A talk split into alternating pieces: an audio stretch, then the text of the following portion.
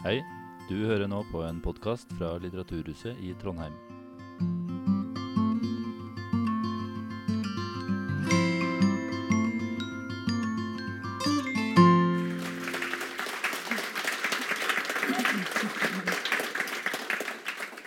Ja, eh, er vi på lyd? Ja, vi gjør det. Vi Hallo. lyd. Hallo. Ja. Ja. ja, jeg skal helt innledningsvis uh, ta oss med på en dag i april for eh, tre og et halvt år siden, i 2018. Mm. jeg var hjemme hos deg, Marit, i Torleif Haugs vei i Holmenkollen. For å gjøre et portrettintervju med i ukeadressa. Det er det jeg sysler med når jeg ikke sitter på sånne plasser som det her. Eh, det var gått et par uker eh, siden du hadde gått ditt aller siste skirenn og blitt norgesmester i Alta. Og tatt ditt 25. NM-gull.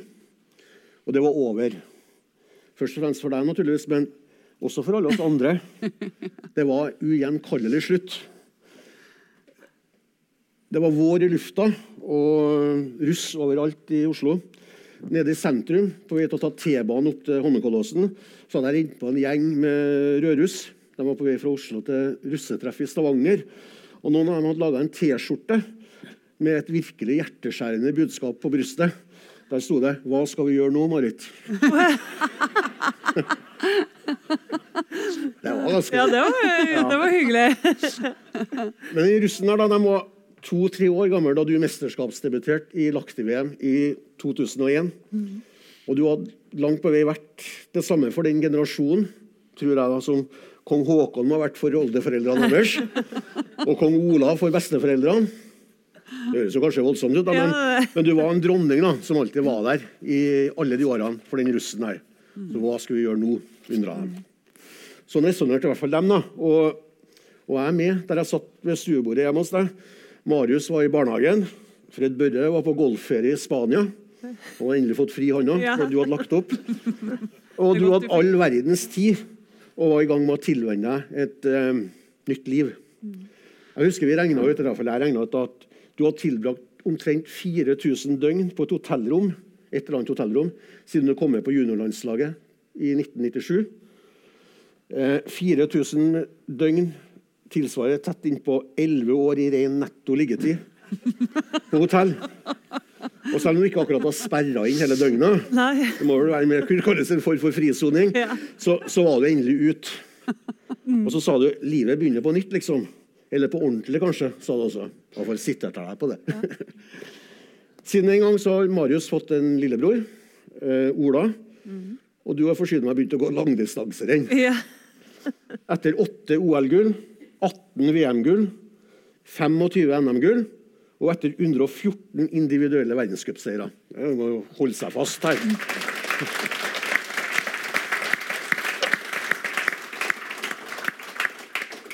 Det var inngangen. Og nå kommer overgangen til det vi skal snakke om i kveld. Altså denne boka 'Vinnerhjertet'. Her rekapituleres om ikke hvert eneste stavtak eller hvert eneste hotelldøgn, så veldig mange av dem i hvert fall. Og Marit, hvordan har det vært å se karrieren din som vunnet der, og livet bli til på dette viset? Du har vært på alle mulige medieplattformer nesten daglig i dette århundret, og nå er du også servert i bokform. Hvordan kjennes det? Eh, ja, eh, litt skremmende har det vært òg, eh, når det begynte å nærme seg utgivelse. Det har det. Men eh, det har vært en veldig fin prosess, og det å ja, skrive boka sammen med Ingrid eh, Jeg har jo fått spørsmål om bok, eh, i hvert fall de ti siste åra av karrieren min. Men jeg har jo sagt nei mange ganger, og jeg har jo følt at eh, det har blitt skrevet det meste om meg. Så jeg var jo litt metta på meg sjøl da, det skal jeg innrømme. Men så jo, gikk det litt tid. Ingrid spurte faktisk i 2018, eh, like før jeg traff det på våren der. Om, Jeg vet ikke om du husker det der glassaktige blikket. og ikke helt tilgjengelig og åpen for den ideen ennå da. På Nei. ingen måte. Ja. Nei. Så, men så har jeg fått um, karrieren litt på avstand og Ja. ja, reflektert over, så Ja. Jeg tenkte ja, hvorfor ikke? Og, og ja, har lyst til å dele en del av historien min. da. Ja, nettopp. Og du har lest din egen biografi i motsetning til Petter Northug. Ja, jeg har. Ja, jeg har hatt siste ordet. Ja. Men Ingrid, du, du har jo skrevet en autorisert biografi, som det heter. ikke sant? Ja. Eh, hvordan har premissene for det arbeidet vært? Nei, premissene eh, eh, var vi jo altså, Vi la dem jo på en måte ganske tydelig ved innledninga. Eh, jeg, jeg, føler at altså, Inngangen i det hele var eh, ganske sånn gjensidig tillit. Vi kjente ikke hverandre fra før, men vi har, vi har, felles venner som er gode venner. Jeg visste jo selvfølgelig godt hvem Marit var. Marit kjente litt til meg òg, via jobben og kanskje fra gammelt av. Så, så litt sånn i bunn eh, lå et gjensidig tillitsforhold, tror jeg. Og så er det jo dette med at journalisten i meg har jo lyst eh, til å ha en viss frihet. Og Marit har lyst til å eie si historie. Uh, I og med at den er autorisert òg, så var hun 100% innstilt på å bidra med alt. Og vi, vi gikk inn i det med, med avtalen 'du forteller alt'. Eh, ingen filter til meg. Og så skriver jeg. Og så, hvis vi der møtes og blir uenige om uh, Det der syns jeg faktisk ikke høres så bra ut når jeg, eller ser så bra ut når jeg leser det nå. Mm. Så var vi vel enige om at da skulle vi i hvert fall diskutere det, da. Ja. Og se om vi kunne bli enige om noe. Skjedde ikke det altfor mye, men, men, i hvert fall Ja, vi, gikk jo noen runder på et par ting. Men det er ikke sånn at jeg, føler at du har vært veldig, veldig åpen og mm. tillitsfull, og det har jo dermed vært en ja. fryd å, å, jobbe med for, for meg. Det har det vært. Du, du, du, har en aktiv langrennskarriere bak deg, du òg? På ja. juniornivå, i hvert fall? Ja, eh, ja og, men jeg slutta ganske fort eh, etter jeg ble senior. Mm. Ja. Ja. Sitter her nå med en ny prolaps i ryggen. Så, så det var vel det som starta det den gangen òg. Har dere gått på ski sammen under eh, arbeidet med boka? Marit, jeg syns det tar seg best ut hvis du forteller. ja. Ja. Jo, uh, Ingrid var jo på besøk uh, til meg på Rognes. Så hun har fått traska litt i de trassene jeg har trent som ung, og, eller gjennom hele karrieren. Da. Mm. Holdt du igjen? slik at da jeg staka, og hun fikk gå litt diagonal i motbakke. Var det var når hun akkurat hadde begynt å trene på langløp. Altså hun var i ferd med å, å bli bra stake, og jeg hadde solid og godt feste og klarte med nød og neppe å, henge på. Nettopp. Du, boka starter med bunnpunktet. Altså Det første kapittelet i boka heter 'Bunnpunktet'. Det kommer til og med før prologen. Et originalt grep. Men uh, bunnpunktet det er Liberec VM i 2009. Og da kan vi jo like godt gjøre det her i kveld også. Eh, da hadde medgangen vart en stund, en god stund. Eh, om det ikke akkurat var 400-årsnatta som eh, du befant deg på tampen av, så, var det i hvert fall på slutten av fireårsnatten.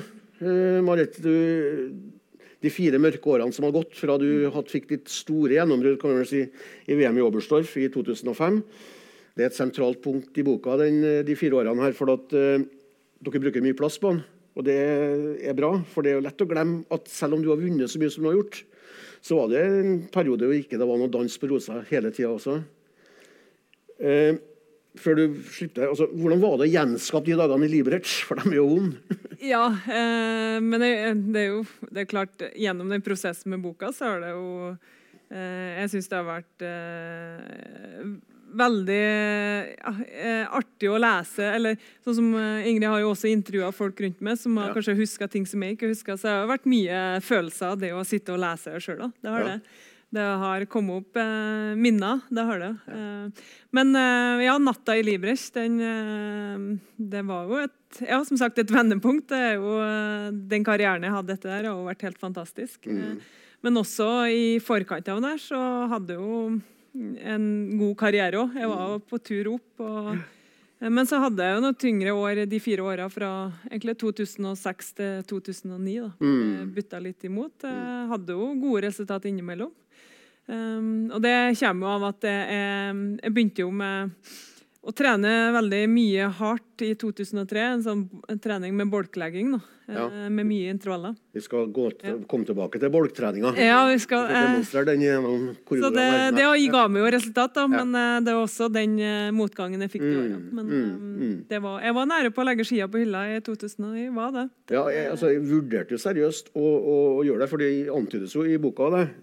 Å slippe alt sammen. Gjorde du det? Ja, jeg var jeg var veldig lei meg og skuffa. Og jeg, sa jeg orker ikke her lenger. Jeg har ikke lyst der. Det, Mm. det gir meg ikke noe lenger. Og jeg, jeg føler jeg gir og gir, men får ikke noe igjen. da, på en måte. Men så var det Hadde noe i meg som fortalte meg at uh, Marit, du har ikke fått visst det du er god for ennå.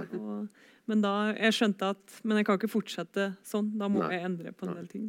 Men du skriver jo det ganske fengende og ganske dramatisk akkurat der at uh, Ingrid, at uh, ville du skulle ha gi seg, så ville det ikke bli noe OL-gull i så fall. Men samtidig så ville det like fullt være en karriere å være stolt av. eh, med tre VM-gull og fra VM fire år tidligere. Men, men Ingrid, du skriver også hun plages av følelsen av at folk snakker om henne uten å snakke med henne. Hvordan var det sånn som du ser det å være Marit akkurat på den tida der? Nei, altså når vi kom så langsomt til dette bunnpunktet, som vi kaller det, da, i 2009, så hadde det jo hadde det vært ehm, fire sesonger med gradvis, eh, gradvis eh, mer og mer motgang. Men, men alt er relativt. Og hun kom fra et VM som du sier, i, i Oberstdorf i 2005, der hun tok fem medaljer, to, tre gull. Eh, det var, det, vant tremila, eh, ikke sant? Var den komplette langrennsløper. Og, og framtida lå blank og gullskimrende framfor henne. Eh, og da eh, vi journalister er jo flinke til å, å finne ut at eh, hvis det ikke er gull da, så er det dårlig. Eh, og hun tok ut OL-sølv sesongen etter og vant verdenscupen sammenlagt, men se- sesongen var en fiasko. Sesongen etter ble det nummer to sammenlagt i verdenscupen og var fortsatt den klart beste norske dameløperen, men det var en enda større fiasko. Eh, men, sant, det var, ja, men- det var litt sånn, men, men samtidig så er det i ettertid så er det ingen tvil om at det går gradvis nedover også. Det var et VM i 2007 der du ikke tok noen individuelle medaljer.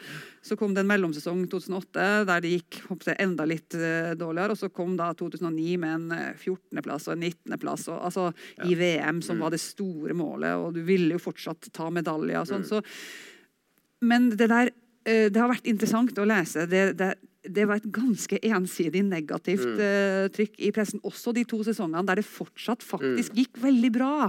Eh, det, er jo, det, kan jo vi gå litt i oss sjøl, selv, selvfølgelig. Eh, eh, og, og, og se på Det, og det, det synes ikke rart. Og, og akkurat det der med å snakke med andre er jo noe man også gjør, da. Og snakke med de ekspertene som mener at de vet hva Marit burde gjøre. Og det ble det jo mer og mer av. da, at folk som, og, og, og etter hvert folk som du også respekterte, som snakka med pressen i stedet for å komme og snakke med deg. Ski-Norge er ganske lite. Det er ganske enkelt å ta den samtalen når man møtes hele tida.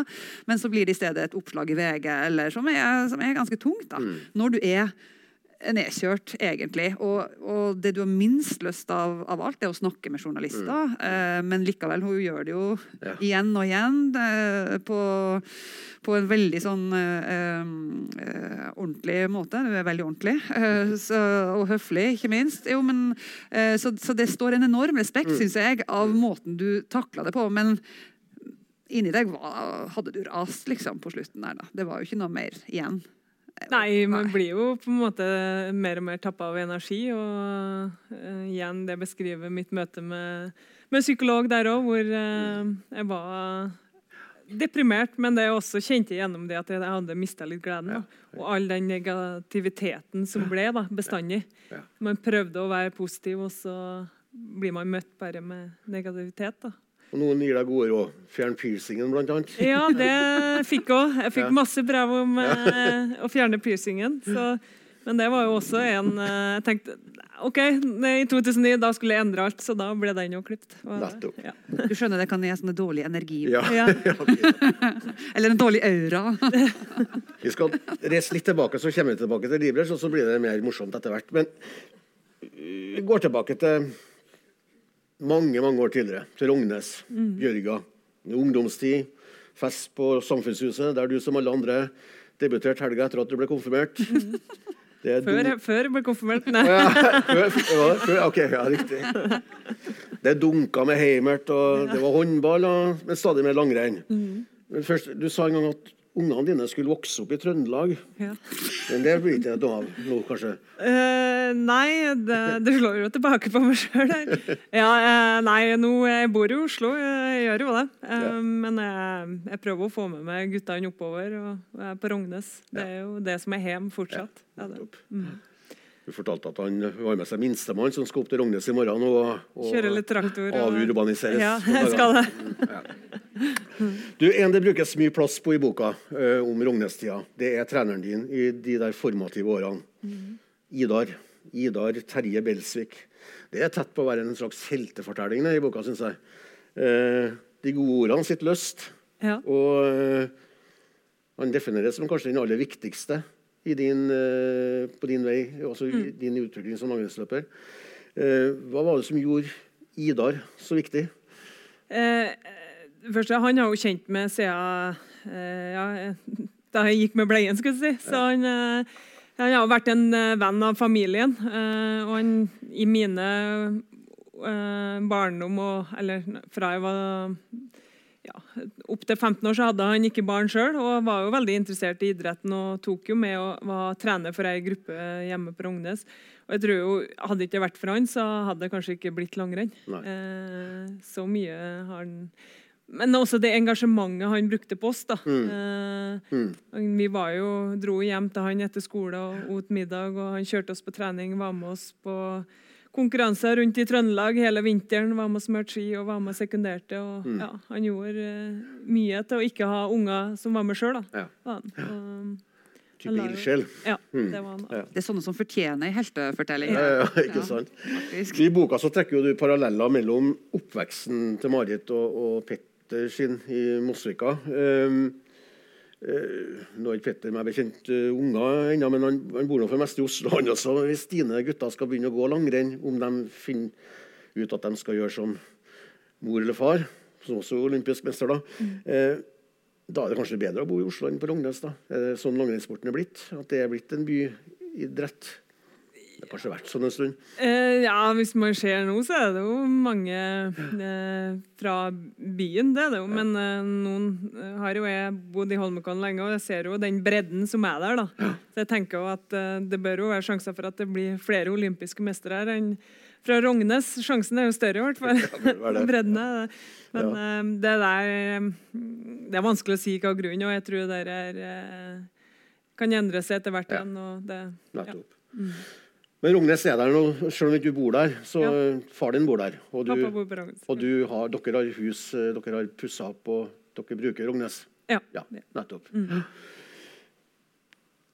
De ti første individuelle verdenscupseierne dine de kom i, Og det første VM-gullet kom i sprint. Mm. Det er jo en, eh, Den første distanseseieren kom på 10 km i 2004 i Gjellivare. Mm. Da er det første gang du møter Charlotte Kalla, forresten. Det er en interessant historie. Hun er, hun er, vakt, eller hun skal føre deg til og fra dopingprøvene. Ja. Hun er ganske så starstucked. Det er et morsomt bilde i boka for øvrig, hvor hun står og blinker med øynene ved siden av deg. Selfie. Hun gikk på skigymnaset. Ja, hun gikk på skigymnaset i året. Eh, men det, det, er jo lett å glemme også at du, at du starten først ble sett på nettopp som det sprinter. Og så kommer du da til, til, til, til Oberstdorf i 2005 og så tar du tremilsgullet. Og, det, og da kan jo, som det skrives i boka, skrives i boka motbevise skeptikerne, for nå var du en komplett skiløper. Det var viktig, var det? Ja, det var det. Jeg, jeg sjøl òg hadde jo eh, den, den, generasjonen som jeg vokste opp i, og så er det jo liksom Man husker jo tremila og femmila i Holmenkollen, og det var jo det som var mm. det å bli en god langrennsløper. Sprint var jo ganske nytt. Ja hadde hun. Eh, ja.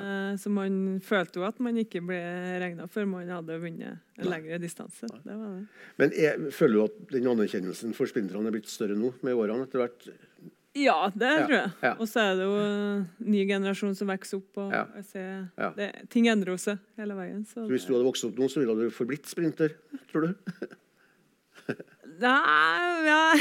Nei, jeg ville også Eh, ja, det å være en allrounder, da, ja. Eh, er det. Og det, det har vært Ja. Eh, jeg, jeg kunne fortsatt ha tenkt meg å vært det, ja. ja. hvis jeg hadde, hadde.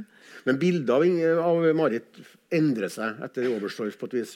Altså, da er hun den komplette skiløperen som ja. du skriver mye om. Ja, absolutt. Og, og, og det er jo ingen tvil om at det, altså, eh, å vinne en 10 km i verdenscupen eh, Det er jo et, et, av de store følelsesutbruddene du har hatt etter ei målpassering, eh, og som andre som var til stede og forteller at det, det, det varte lenge òg. Du var så, så, rørt over å endelig klare det. Og det, det handler nettopp om det der at, at, sprint var ganske nytt. Det hadde nok Uh, enten vil eller ikke, så hadde det litt sånn B-status i, i, starten. Det å, å være, være sprinter. Så mm. det handler jo mye om tradisjoner og, og sånt. Sant? Så, mm. så, men når du kom til Oberstdorf for å vinne sprint, og drar derifra uten noe sprintmedalje, men med et tremilsgull, så er det på en måte ja, da, da har du erobra den tronen som var, var, drømmen der og da. Tre gull, ett sølv og én bronse var vel fasiten i Oberstdorf da. Mm. Ja. Husker du forresten alle løpene du har gått? Er du sånn? Nei, jeg gjør nok ikke, men eh, det er mange jeg husker. Den, ja, ja. Eh, som det, de fleste de gode, og kanskje de med gjennombrudd. både med første sprintseier ja. og første Men når du går over, for I boka her så er jo samtlige, samtlige renn, eller samtlige mm. seirene dine lista opp. Hvis du går inn og ser på verdenscupseier nummer 71 f.eks. Husker du detaljene fra et sånt renn? Uh, nå husker ikke jeg ja, nummer 71, men, nei, men når du ser dem, jeg, jeg tipper jeg klarer nok ikke alle, nei, nei. men mange av dem, ja. Da gjør det, ja. ja, det, gjør det. Mm. Man, det er jo ofte man går jo igjen de samme plassene, eller hvor det er World Cup. Da, og man kan jo føle seg i bakken og ja. Mm kjenner løypa godt. da. Ja. Den sitter i ryggmargen. Mm. Ja. En liten, liten, anekdote fra skriveprosessen var jo det at eh, Nå ser jeg på min redaktør der bak, men vi leverte et sånn noenlunde ferdig utkast, første ja. utkast eh, før, før sommeren. Og så er det et eller annet hva er Det er noe som ikke helt stemmer. Og så begynner jeg å se litt på det, og så sender jeg mail til Katrine at uh, faen, vi er har glemt av VM i 2013. Har ikke skrevet noen ting om det. Og fire VM-gull, da. Og, ja. Ja, Så det, det, det, sier jo litt om mengden. Og det var jo litt sånn avveininger underveis. Og vi kan ikke gjøre like mye ut av alle VM-gullene, for det er 18 stykker. Da hadde det blitt ei utrolig lang bok, og kanskje litt kjedelig også. Men det er klart det blir også feil å hoppe over eh, fire, så det ble et, en liten utvidelse av det kapitlet. Det er lett å miste si. en bæreposegull. ja, men det, ja, og det, jeg tror ikke det, det, er ikke mange, det er ikke mange idrettsutøvere man har, har det problemet. Så det, det sier jo litt om, eh, om luksusproblemet her og med å finne høydepunkter. Riktig. Ja. Idar var Idar, og Svein Tore Samdal mm. og Svein Tore Samdal. Jeg vet ikke om Svein Tore Samdal er her i salen i kveld? Nei. Da vil han ha gitt seg til uttrykk nå. Nei, men Vi må snakke litt om han, da, for han er en viktig person. Svein Tore Samdal, ikke sant? Ja. Um, og I boka får han jo både litt ros og ris, sånn som jeg ser det. Mm. Og, men la oss begynne det kan kanskje du si litt om, Ingrid, la oss begynne med den såkalte bolktreninga, selv om det er hun som har gjennomført den. Men, ja, ja. men Eh, det var jo langt på vei hans signatur. Forklar hva bolktrening går ut på. for jo, som ikke driver på med sånt. Ja, Veldig enkelt forklart. da, Så skiller det seg fra den tradisjonelle langrennsutholdenhetstreninga som har vært uh, vanlig i Norge, og som på en måte Olympiatoppen har uh, uh, bearbeida til, til, sin metode. da. Det, det, det, er kort sagt veldig mye rolig og lang, langt og rolig trening i hovedsak. Og så er det, og så er det harde økter jevnt spredd utover. To kanskje tre i uka. Mm. Uh, mens uh, så, så, kom uh, Svein Tore med bakgrunn i forskning her på NTNU, da, Hoff og Helgerud, som ja. kanskje en del kjenner til, som, som, hadde gjort en del forskning på, på pasientgrupper da, faktisk, som var kanskje, kanskje, dårlig trent, og finne ut hva er det som kan gjøre at folk eh, fortest mulig kommer i best mulig form og får økt uh, O2-opptak og mm. økt utholdenhet. Og Da var det rett og slett eh, forska de seg fram til at hyppigere intervalløkter. Det var mye da, fire ganger fire minutter med høyintensiv intervalltrening eh, eh, i, i bolka. Altså, etter hvert ble det til dere da 10-14 dager varte bolkene, og det var jo med 10-14 eh, intervalløkter. Altså, det kunne være to intervalløkter mange dager på rad. Det meste var 18 på 14 dager. 18 på 14 dager, det var et høydepunkt. Ja. Et et slags høydepunkt. Eh, og, og, og så var det jo roligere perioder imellom, men så kom det nye sånne bolker. Ja. Og det, det, var jo, det er jo tøft eh, fysisk, eh, men også ganske tøft eh, psykisk mot slutten av en sånn periode. Og, Ja. og få, det, det er beinhardt, altså. Det er skikkelig beinhardt. Men det, men det funka eh, innledningsvis. Det gjorde det. Men så er det den som kommer da i fokus litt når det begynner å bytte litt imot etter Oberstdorf, blant annet. Ja, det var jo mange som var veldig skeptiske til det Borchgrevink-treninga. Det var jo, og Svein Tore han er jo en, en trener som var ganske tydelig og klar og sto godt i det han mente. Og, og det ga jo også med en veldig god trygghet òg. Men Ja. også det at det for meg ga det også resultat. Jeg økte oksygenopptaket mitt. Ja. Med det, Jeg fikk seier i første distanse i 2004, og med det mesterskapet jeg hadde i 2005. Så jeg responderte, jeg responderte jo veldig godt. Men så er det jo det, når man ser tilbake, skulle jeg kanskje ha endra litt på den treninga mi tidligere stadier. Ja. Men jeg fortsatte å trene med sånn bolklegging helt frem til 2009. Da. Det er riktig. Og det var litt for lenge, mener du? Tror- Ja, når Ja. jeg, ja, jeg skulle Jeg, jeg skulle endra sånn Kanskje i Ja. eh, Tre år tidligere? Ja. Ja. Mm. Riktig. Men så tenker jeg jo etter det, og jeg har jo på en måte Kanskje tenker man ja, det er litt bittert, kanskje har jeg mista noen medaljer underveis. Ja. Men så er det at jeg, tror ikke, jeg har ikke villet vært foruten de åra heller. For jeg har, jo, man, jeg har jo lært mye om meg sjøl og om Ja. kroppen min. Og, og det har nok også gjort at det forlenga karrieren min. Ja. Ja, det. Mm. Forlagsredaktøren ville ha fått uh, fnatt hvis du hadde hatt tre år til med medaljer. Ja, det, ja, ja, nei, det hadde blitt, uh, det hadde blitt en veldig tjukk bok. Men, men, men Svein Tore sier jo at han, eh, han mener jo at uten bolktrening så ville han ikke blitt verdens beste langrennsløper. Har han rett i det? Ja, det vil jeg jo si. Ja. Eh, Jeg responderte jo veldig godt på den treninga han gjorde. Ja. Ja. Og det økte oksygenopptaket. Mm, mm, mm. Det er jo du som er, og Den er jo autorisert, den boka. her da, så Du, du skriver bl.a. Om, om treneren at, eh, at og Det her har jo Svein Tore kommentert både i Adresseavisen og andre plasser i bakkant av bokutgivelser, så derfor så trenger du ikke å eh, trengte ikke å sitte her og, og kommentere det. Men, Samtidig imøtegåelse. Rett før det. Vær varsom-plakaten. Det skal gå bra. å Det skal-. Det skal gå bra. Uh, men, men du skriver bl.a. at han sitat, burde ansvarliggjort henne mer, Marit mer, og, og at han skulle hatt en mer gjennomtenkt filosof- filosofi for hvordan Marit gradvis skulle bli sin egen trener. Mm. Kan du utdype det? liksom, du... Ja, nei, Det er jo noe av det som jeg syns var interessant, og snakka lenge med Svein Tore uh, i forbindelse med, med det kapitlet og den epoken. Da. Og det, han har eh, Han eh, var en viktig person. Han var en veldig tydelig og bestemt person, og det har han for så vidt fortsatt å være i etterkant òg. Og eh, sånn som jeg har oppfatta han, eh, ikke vært noe særlig interessert i å ta noe sjølkritikk for, for det som skjedde. Så jeg syns egentlig at det var en interessant samtale, for jeg syns at han gikk litt lenger i eh, i det, da, og se sine egne begrensninger på den tida òg. Eh, han mener, og dere er, du er jo langt på vei enig i at det, det var veldig riktig å, å gjøre dette i en fase. Eh, han er nok ikke enig i den konklusjonen du har kommet til etterpå, at, eh, at det ble for mye, og at det nøkkelen for å komme videre var å slutte med det. Der, der er de litt uenige. Men, men han innrømmer jo at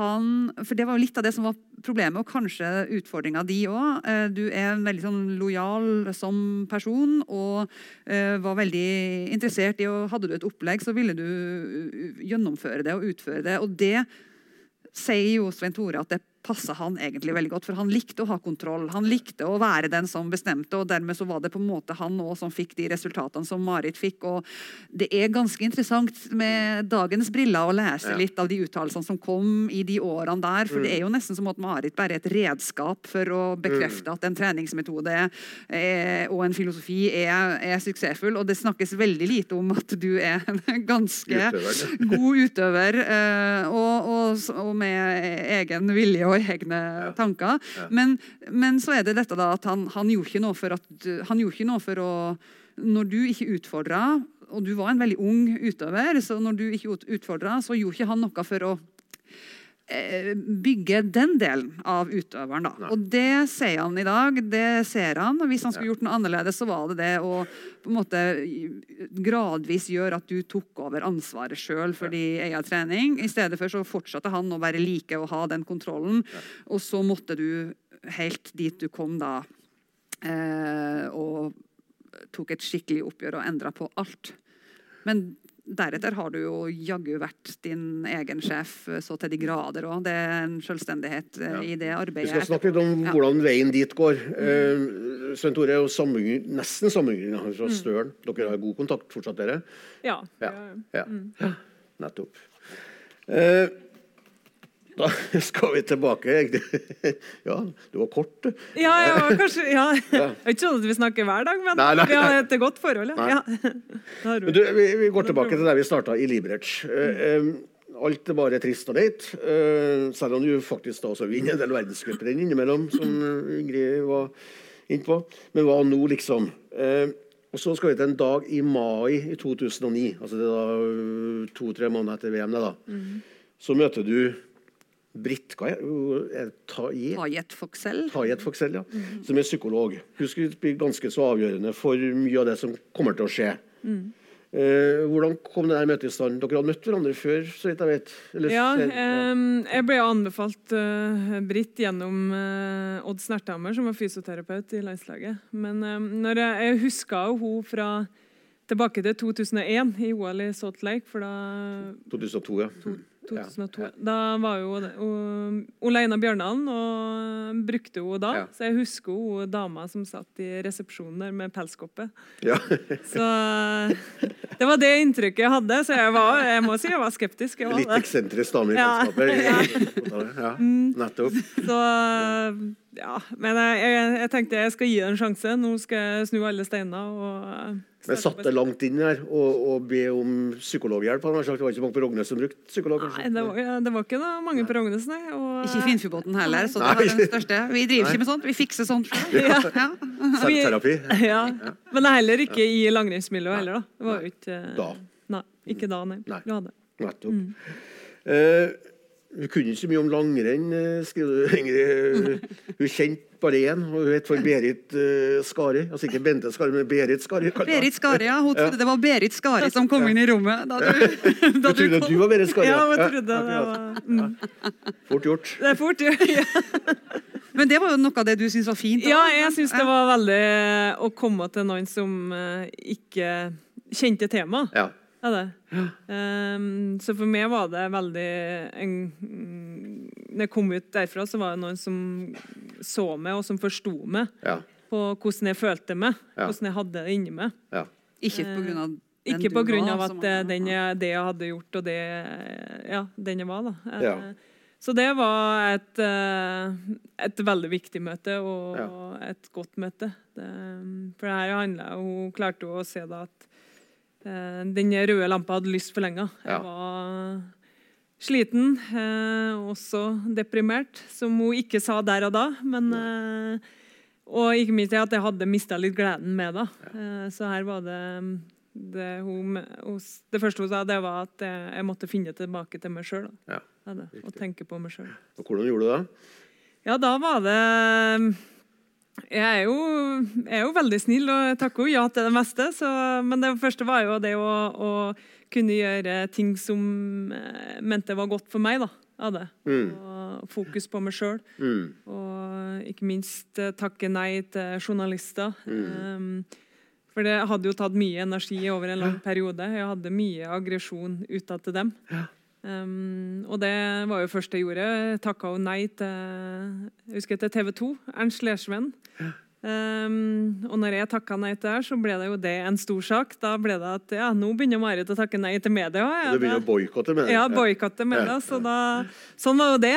så, men det, jeg måtte jo lære etter hvert å håndtere det med media. Uh, for jeg brukte jo mye energi på det. Men det er jo det å eh, uansett hvor irritert jeg var på den journalisten som var her, så måtte jeg, skal formidle ut til det norske folk. Da. Så handler det bl.a. om å si nei. altså er mye du før hadde sagt ja til. Ja, det handla om å finne Ja. tilbake med å gjøre det som Ja. eh, jeg syns uh, føltes bra for meg. Og, Ja. ja. Ja, ok. Det var en av de tingene, men så var det også det en, den totale endringa på treninga som var kanskje det største. Riktig. Og så ble du en tiger. Jeg ble en tiger, ja. Eh, Du, så du skal mane fram et bilde av et dyr på ja, det var jo litt eh, Den tigeren kommer jo fordi at det, det er på en måte å forsterke eh, liksom mine kvaliteter. Ja. Hva jeg forbinder med det. Og da og Jeg skulle finne et dyr, og da kom tigeren opp. Hadde du noen alternative dyr? Nei, det var, den tigeren kom med en gang. Den gjorde det. Ja. Hva alternativ kunne det ha vært, da? Nei, eh, jeg tror ikke det var noe Nei, det er. Hunter? Ja. Det der er altså på våren i 2009. 2009. Og det nærmer deg OL i Vancouver året etterpå. Og så blir du da der tidenes kvinnelige olympier i første omgang. ikke sant? Tre gull. Eh, og da skriver Ingrid i boka Marit, at eh, det var som du var blitt ti år eldre i hodet i løpet av det ene året. Nå har du jo forklart litt av hva som skjedde, mm. men, men ti år eldre Ja, nei, det ble jo, Den endringa gjorde jo at eh, jeg tok mye mer ansvar for min egen utvikling. da. Ja. Og for min egen trening. da. mm. Eh, jeg følte, ja, jeg lærte jo mye av det året. Ja. Jeg hadde jo ikke noe garanti når jeg starta i 2009 her om jeg skulle lykkes. Mm. Men eh, eh, som jeg, noen som sa inni at jeg har ikke fått visst det er god for ennå, og da ville jeg gi det en sjanse og prøve det. Ja. Så eh, Men jeg tenker sånn, da hadde du jo Du, du kom på seniorlandslaget ved årtusenskiftet. sant? Så du hadde jo ti år eh, på elitenivå, elitelag allerede. Men det var, kanskje, det var kanskje de ti årene med erfaring som du endelig klarte å på en måte nyttiggjøre deg. da, plutselig, At du i løpet av de der månedene der og de grundige prosessene, og ikke minst da med Britt, lærte å eh, plutselig ta, ta nyttiggjøre deg all den erfaringa du hadde tross alt gjennom ti år. Så akkurat den ti år er kanskje ikke Det har jeg tenkt på etterpå, men kanskje at det var akkurat eh, ikke tilfeldig at, at du følte sånn. For, du, for plutselig så, så var du på en helt annen måte uh, i stand til å faktisk bruke alt det. Og, ta, og ha den fulle og hele kontrollen og være så suveren, tenker jeg, fra da og ut som Og det tror jeg var viktigheten at jeg kanskje, Det var mange som fortalte meg at jeg måtte endre mye tidligere. enn- Mm. Men jeg måtte komme dit tror jeg, til punktet hvor jeg skjønte det sjøl. Ja, tok, tok det innover meg sjøl og lære av det Mm. Mm. at jeg hadde vært igjennom. Mm. Jeg sitter jo litt uh, sitter ganske frisk fra boka, for det er mye å ta av i denne boka. her. Du skriver bl.a. at eh, at du var fylt av takknemlighet til alle som hadde hjulpet deg med denne snuoperasjonen. Men at du tillot seg altså Marit da, tillot seg å ta den aller største delen av æren sjøl. Først og fremst må jeg si at jeg blir så glad over å lese akkurat den setningen. da. Og Hun tillot seg altså å ta den aller største delen av æren sjøl. Ellers er jo du så raus at, uh, overfor alle andre at du nesten blir sånn selvutslettende. Så det her synes jeg er en av de vakreste setningene i boka. At du, at du tillater deg å ta mye av æren sjøl. All æren sjøl. Mesteparten av æren sjøl. Ja. Ja. ja, det var jo en prosess jeg var igjennom, og det å klare å stå i den. Eh, ikke minst det å, å ja, det kom til punktet hvor jeg, skjønte sjøl jeg må endre. Og det å gjøre den jobben, da. På en måte Å snu alt, da. Og det å klare Det er jo under et år til, til OL i Vancouver. Det å klare å komme tilbake dit, og det å klare å stå oppreist gjennom den prosessen, eller ja, eh, alt man har vært gjennom, da. Eh, og snu det. Så det var jeg Jeg, jeg var stolt av det, å klare det. ja. Mm. Og da er det mulig grunn til å være det. I høy. Ja, altså, det er en snuoperasjon som jeg mener det nærmest savner sidestykke. Når du ser på, hvis du ser på utøveren som eh, ja, eh, halte seg gjennom noen verdenscuprenn eh, etter VM i Libretz eh, litt sånn uten mål og mening, og, og tar en hel måned treningsfri og er egentlig ganske sånn pill råtten, psykisk og fysisk, Ja. til å komme tilbake som den Marit Bjørgen vi alle sammen husker i dag, som er den suverene som tar OL-gull eh, i hvert eneste OL og osv. Det er en snuoperasjon som, som i seg sjøl krever eh, enorm innsats. Så det er så, det er så absolutt uh, fortjent å ta den æren. Da. Riktig. Ja. Og fra Vancouver så drar du hjem, og så begynner du ut på vårparten og forbereder det som da blir liksom en slags crescendo, et VM på ski på hjemmebane i Holmenkollen. Mm. Det skrives jo detaljert om i boka. Eh, apropos VM, altså Du var 17 år gammel du da VM i, på ski ble arrangert her i 97. Jeg mener å huske en gang at du sa at du, at du var tilskuer oppe i Granåsen litt motvillig? At du var blitt eh... Ja, eh, det var nok eh, Ja, var mamma prøvde å få med meg til Granåsen. Du hadde, du hadde andre planer? Ja, jeg hadde vel kanskje litt annet ja, Det var helg og heimert? Ja, spørs. ja. ja. Det var litt eh, mange andre interesser, så ja. Da, ja, men eh, jeg ble med. Jeg ja, du ble med. Ja. Mm. Ja. Men, eh, og nå blir du ikke med på den VM-festen i 2025. Men du kommer jo kanskje ikke motvillig til å være til stede som tilskuer der, da. Men, men, du fikk folkefesten i Kollen, da. Og den er vel noe som du ikke har opplevd verken senere eller Nei. Det er det største jeg har opplevd sånn ja. i mesterskapet. Ja. Mm. Det kan du fortelle nåtidens løpere om hva de har i vente i Trondheim? Da, i ja, det, og det å få muligheten til å gå mesterskap på hjemmebane, det, var, ja. Det, det, er jo det største du kan få med den interessen som er i Norge. Det, det, er klart, det er jo store forventninger. Det er det jo til så Johannes skal nok få kjenne på det her i 2025, tror jeg. Ja, for du snakker jo mye om det i, ja. i, oppkjøringa til VM. Eh, du, beskriver bl.a. en episode i Drammen rett før VM. Ja, det er jo uh, sånn jeg, Vi har, drevet, eller, har jo hatt mye høydesamling. Eh, og så er det jo noe som heter blodverdier, eller du måler blodverdiene dine. Eh, ja, du kan dagen før konkurranser. Det er jo HB-en din. da. Ja. det er jo en grense på den, og den er jo på damer på 16,5, og så er 17,5 på gutter. Det er jo en medisinsk test. Da. Eh, det, jo, det, er jo det det heter. Og så er det jo eh, jeg, når jeg kom som regel ned fra høyden, så visste jeg at den var ganske høyt. Jeg var aldri over eh, grensa på det. Eh, men jeg husker vi gikk worldcup i Drammen, og dagen før der så er jeg jo inn og, og tar i blodprøve. Og så gjør man det, og så går man jo og trener. Og så ser du at han fra antidoping står og venter på meg til jeg er ferdig å trene. og da Oppvarme varme opp, altså? I, nei, det her var dagen, dagen før, konkurranse. Ja, nettopp, nettopp, ja, det var det. Eh, hvor eh, mm. Jeg trener og mm. går gjennom løypene. Mm. Um, og kommer tilbake, og da står han og venter på meg, og da må jeg også avlegge en urinprøve. Og da blir man jo litt redd. Ja, det er en forbindelse med at det kanskje at man må avlegge den fordi at man har litt høye blodverdier. Ja. Ja. Og det er jo den der skrekken igjen om Man vet jo ikke hvis man har for høye, så eh, får man ikke konkurrere på fem dager. Eller, eh, og da ser man jo for seg sjøl de overskriftene som er i norsk presse. Marit Bjørgen ja, startnekta i Drammen. Ja, det, det er det verste scenarioet som kan, man kan oppleve som topp, toppidrettsutøver. Ja, eh, så da, Man kjente på en klump i magen da. Men, ja, eh, men det gikk bra? Det, det gikk bra. Jeg, den var aldri for høy. Det, men... Nå skal vi ha en pause i ti minutter. Og så mm. skal vi etterpå snakke mer om det der å være på tå hev i forhold til doping. Vi skal snakke om uh, ledertypen uh, Marit. Mm. Uh, vi skal snakke om ja, Vi skal snakke om fødsler. Vi skal ikke snakke om fødsler, da. jo, la oss snakke vi skal snakke,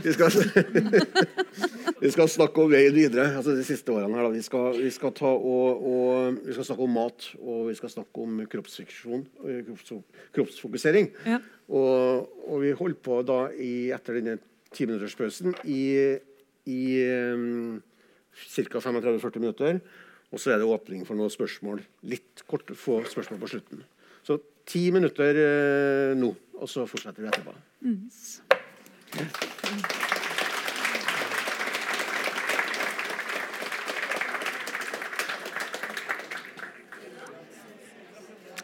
OK, da drar vi i gang igjen. Gjør vi. Og da er det liksom sånn at vi tenker vel å holde på, holde på til vi er ferdig. Men eh, ja, det tar vel fort en 35-40 minutter, og så blir det som sagt da litt uh, åpning for noen spørsmål etterpå. Noen få minutter. Og så vil eh, Marit og Ingrid kunne sitte bak der hvis det er noen som ønsker å kjøpe boka. Og signere den. Nærmer seg jo jul, da. Det er godt. Kan du se hvordan boka mi ut med alle de gule huskelappene. Så det er mye å lese. Nå skal vi snakke litt om hvordan eh, Harald Lorentzen kommer nå og setter seg. Ja. Eh, Vi må vente til Harald Lorentzen har så, satt seg. et stykke idrettshistorie. Går- ja, Ja. Ja. Eh, vi må snakke litt om eh, hvordan Marit utvikler seg fra å både bli selvstendig, men også, men også til å bli liksom lederen, morsfiguren, sjefen, kaptein på laget. Eh, vi har jo noen sånne bilder opp gjennom åra som vi kan også komme tilbake til. litt Den der med, med når du står og tar imot uh, stafettjentene i Sotsji etter Astrid Urnholt Jacobsen, som har mista sin bror. Uh, bilder som sitter på netthinna til oss alle forever, vil jeg tro.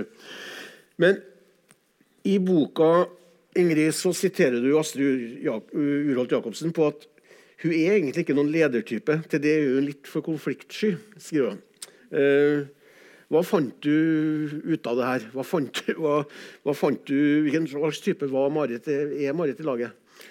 Eh, nei, jeg fant vel ut eh, at det tror jeg Astrid Urenholt Jacobsen egentlig har rett i. Eh, at eh, um, du er konfliktsky, og du er eh, ikke, ikke, ikke dødelig når det, når det drar seg til. Og hvis det er nødvendig, så sier du jo ifra. Men eh, snakker ikke utrengsmål, og, og, så dermed, når du først snakker så lytter folk. Sånn ble det etter hvert. da. Men jeg, jeg tenker at eh, etter den snuoperasjonen da, som vi om i stad, og fra, fra 2010 og utover, så var jo du allerede en veldig erfaren eh, utøver. Du var på et lag med Det kom yngre jenter eh, inn, og, og fra da av og ut var du eh, suveren i de resultatene du leverte. Og da var det naturlig. Det hadde vært noen år før et generasjonsskifte. Du var, du var den mest erfarne. Du var den som, som, eh, som lyktes. Og, da, da,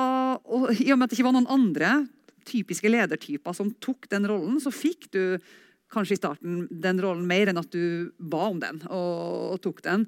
Eh, du sier at det var pga. resultatene og at du var eldst. Jeg mener, og, og har belegg også etter å ha snakka med mange, at det var litt mer enn det. Altså. det men du, du er jo en typisk eh, et eksempel til etterfølgelse. Eh, leading by example heter Ja. det så fint eh, i ledelsesteorien. Men, men eh, i og med den du var, og i og med det du gjorde, eh, så var du en som de andre ønska å følge og ønska å være som. Mer enn at du gikk inn og sa sånn, sånn skal det være. Eller sånn. Du, så, du bare gjorde det. Nå gjør vi det sånn. Og det trakk de andre med. Møte opp presis. Eh, gjør det vi har blitt enige om. Ikke noe mikk-makk. Ikke, noe- ikke, ikke tenke så mye hvis vi først har blitt enige om en ting. Da bare gjør vi det. Gjennomføre. Alt gjøres ordentlig.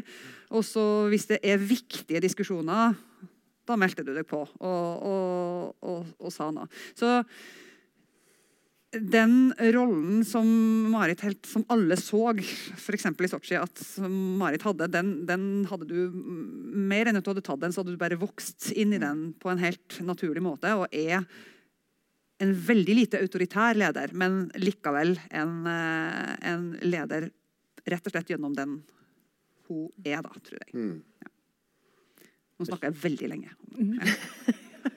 Er det en bra analyse? Ja, jeg, jeg kjenner jo igjen meg. Det er jo, jeg tror jo jeg har blitt kalt mor Marit, men jeg har jo ikke følt at jeg har vært en mor. Eh, Jeg har vært en del av laget som alle andre. Men det er, jo- jeg tror jo det er personligheten min som eh, kanskje smitter over på de andre. Mm.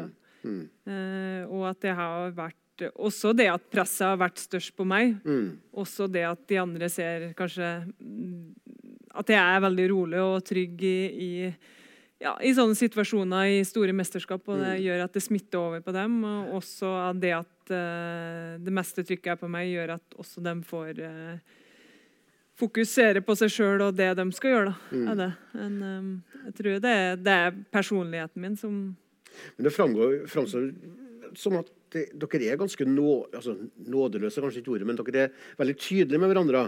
Dere, dere gjør referater. Dere skriver mye, det skrives mye referater. Ja, eh, det er jo en del av det å bygge eh, Ja. det laget Ja. og kulturen vi har på laget. Eh, og det, det har ikke bestandig vært sånn. Det er jo noe vi har jobba bevisst på. Det å bygge de gode relasjonene og bli trygg på Ja. hverandre til å kunne kommunisere i, Ja. eh, når det er vanskelige situasjoner. Hvor Ja. man er for det er jo Vi, eh, vi kjemper jo det, Vi driver jo en individuell idrett og kjemper om de samme medaljene. Og Mm. klart innimellom så kan det være konflikter. Og, det, Ja. og da tørre å stå i det og, og prate sammen. Ja. Og prate med og ikke om. Da. Eh, Så det har vi jobba veldig bevisst på. Men det har også vært eh, styrken vår som et lag. Da, at vi har eh, dratt lasset sammen og vært med å utvikle hverandre. Da. Det tror jeg gjenspeiler seg i de prestasjonene vi har gjort. Da. En del av de prosessene ser de uten trenere og uten ledere til stede? Bare dere jentene, eller? Løper Ja, det gjør det, Ja. men også med trener innom. Men Mm. her har jo eh, Egil har jo vært en bevisst rolle inni her. Det er jo avhengig av å ha en god trener som er veldig tydelig og klar på hvordan vi skal jobbe som et team. Da. Og Mm. alle må jo på en måte se verdien i det. Ja. Det. Um, for å klare å, å gjennomføre det. Ja. Er det. Så, men da er det også at man, vi står bedre sammen i både i vanskelige situasjoner, som den situasjonen vi har i Sotsji. Og at Mm. vi er der for hverandre både i medgang og motgang. Og, Mm. ja, Mm. det, det, Ja. det har vært jeg tror Det er en av suksessene våre som lag. Mm. Men når du ja. har ei å når du har, Det jo tenker også, eh, kanskje litt unikt. Eh, Iallfall jeg har nå fulgt langrennssporten eh, lenge. Og, og det at eh, damelaget fungerte så godt eh, de her samme årene, de de siste årene si, av din eh, karriere. Når, når det er en ledertype også i ei eh, gruppe med jenter som driver en individuell idrett, og alle er egentlig konkurransemennesker. Eh, og så har du en leder, leder eh, frivillig eller ei, men som, som er så uinteressert i konflikt, for eksempel, som det du er. Altså uinteressert i I å lage konflikt, iallfall. ja, Uinteressert i å lage det, uinteressert i å dyrke det. Bare interessert i egentlig å legge det død og gå videre og gjøre eh, jobben. Mm.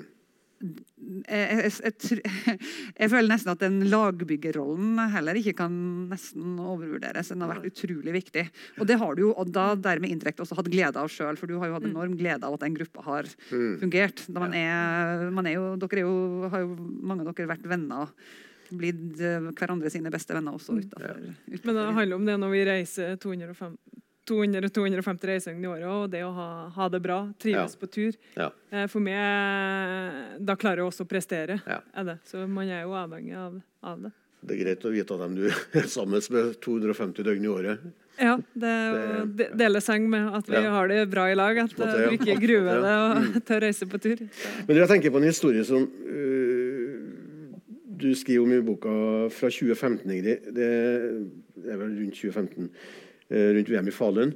Eh, Da Marit har inngått en øh, personlig sponsoravtale med Craft, eh, som ikke er i konflikt med regelverket til Skiforbundet, så lenge hun bare reklamerer for hanskene, forstår jeg, og, og ikke klærne. Men så får Skiforbundet for seg at, eh, at det fremstår som om hun fronter hele kleskolleksjonen. Så Detaljene her er ikke så viktige. De er jo viktige da, og sånn, men her er ikke det så nødvendig. Men, men saken involverer jo både Erik Røste, som grøss og gru kan noen si, men, eh, og, en, og, en, og en illsint Vidar Løfshus som skjeller ut eh, Marit på en måte hun aldri er blitt kjefta på før, står det i boka. Um, og ber henne signere utøverkontrakten omgående. Og det gjør du. Uh, tvert, så å si. Og i en e-mail som gjengis i boka, stila til blant andre Løftshus, da, så tar du igjen på et vis. Men du avslutter med å ønske dem en riktig god sommer. Eh, altså Mange ville jo gått fra konseptene, i hvert fall når alle bør vite hvem som har vært flaggskipet i norsk lagrennssport i, i alle disse årene.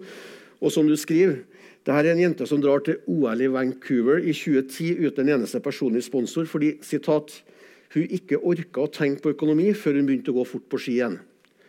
Som leser og som forfatter må jeg anta, så, så blir man jo lynende forbanna på Maris vegne. Eh, Gjør man ikke det? Jo, man gjør det. Ja. Eh, og, og litt sånn eh, i, i den prosessen Dette var jo en av de det skal sies, en av de tingene det var ikke du som kom springende med den historien og sa at nå vil jeg endelig få fortelle om, om hvor irritert jeg var på Skiforbundet. Det, Ja, det kan du fortelle meg. Nei, så det måtte på en måte eh, lokkes ut. Men, men, men det var jo på en måte den ene gangen der du har sagt ty, ordentlig tydelig ifra. Da, da, og, det, og, og det er såpass urimelig hvis du ser på altså Dette var midt i, midt i den samme waven der det var mye, det var mye uro rundt Petter Northug og Red Bull-avtale. og det var, liksom, det var litt sånn brytninger i den gamle kollektive modellen. Mm. Det begynte å bli enkeltstjerner som var så stor.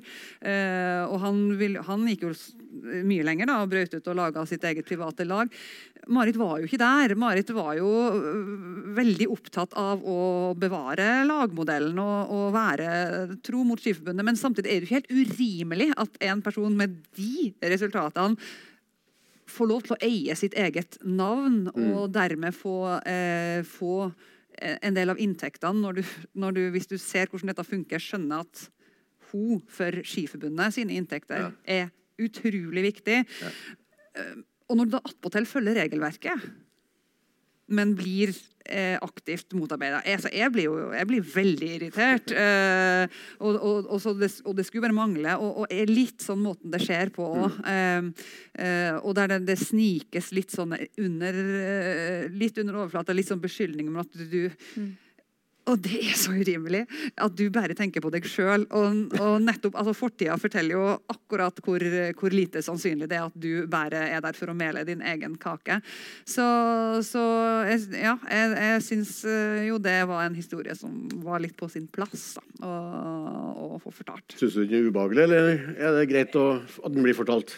Nei, eh, eh, jeg står jo for det som kommer der. Eh, Det er klart, eh, det var jo en episode med mye frustrasjon over en periode. Eh, Det var det. Eh, Men Og klart, den kjeftskurra jeg fikk av Vidar det, det, det var ikke noe hyggelig, det var ikke, men så jeg kjenner jo Vidar eh, veldig godt. Og han kan jo fort være ferdig med saken etterpå, og så kan vi prate sammen igjen. Så, men det var jo en, eh, en Jeg tror jo sånn som etter VM i 2011, så vokste jo forbundet kommersielt veldig stort. da. Eh, og her tror jeg også eh, Skiforbundet solgte mer enn ja, solgte oss, da, uten at den kommunikasjonen eh, var god. da. er det. Så, um, så det var jo den frustrasjonen som har bygd seg litt over tid. Og, um, ja, at vi var uenige i ting. Og da ville jeg se på utøverkontrakten, som jeg mente var her kunne endres en del på. Ja. Ja. Eh, men eh, jeg fikk aldri noe svar tilbake før jeg fikk en uhyggelig Eller en telefon fra Vidar. Da. Så da, Ja, du ble trua med å kaste, bli eliminert fra landslaget. ja, jeg ble det. Og jeg var jo, jeg var jo gravid i den perioden så jeg var jo hormonell i ubalanse. Ja. så tårene bare trilla jo. Jeg gjorde Ja. det. Men eh, Ja. det, jeg signerte kontrakten med en gang. Jeg gjorde det. Og ønska en god sommer. Ja, jeg gjorde det. Ja. Jøye meg. Ja. Det sto noe mer enn 'god sommer' også i den. Ja, det gjorde det. det. gjorde det. Hele mailen er gjengitt i boka. Så, og den, den, wow, den er krass. Den er krass det var Marit Bjørgen. Ja, Ja, det er den. Den er det. Ja. Ja. Du er sint. Du er det. ja, ja det Sint var på Bjørgens vis, i hvert fall. Ja. Det hadde bygd seg opp litt frustrasjon. Ja. Du, eh, spisesalen tidlig på 2000-tallet, det beskrives som det sosiale samlingspunktet på landslagssamlingene. Eh, det var trivsel rundt matbordet. Eh, praten gikk eh, lett ut, eh, så lett at liksom middag med dessert eh, gikk over til kveldsmat uten at utøverne forlot bordet. Men en gang etter OL i Salt Lake City i 2002 så var det noe som endra seg. Plutselig så slutta landslagsløperne å spise dessert. Og det var så påfallende at du tenkte at du måtte droppe desserten, du også. Eh, si litt om hva som skjedde da du, da du så hva som foregikk. Ja, det er jo, vi er jo et uh, miljø, og vi er jo som sagt reiser jo 200-250 reiser sammen og har jo mye tid sammen med matbordet.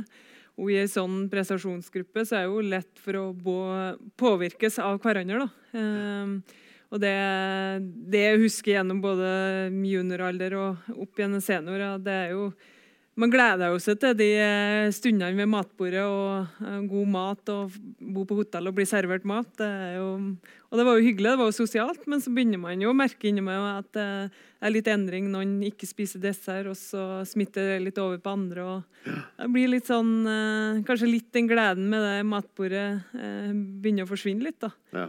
Og så er jo det at Man begynner jo å tenke sjøl òg. men så er jo at nei, eh, jeg skal spise den desserten.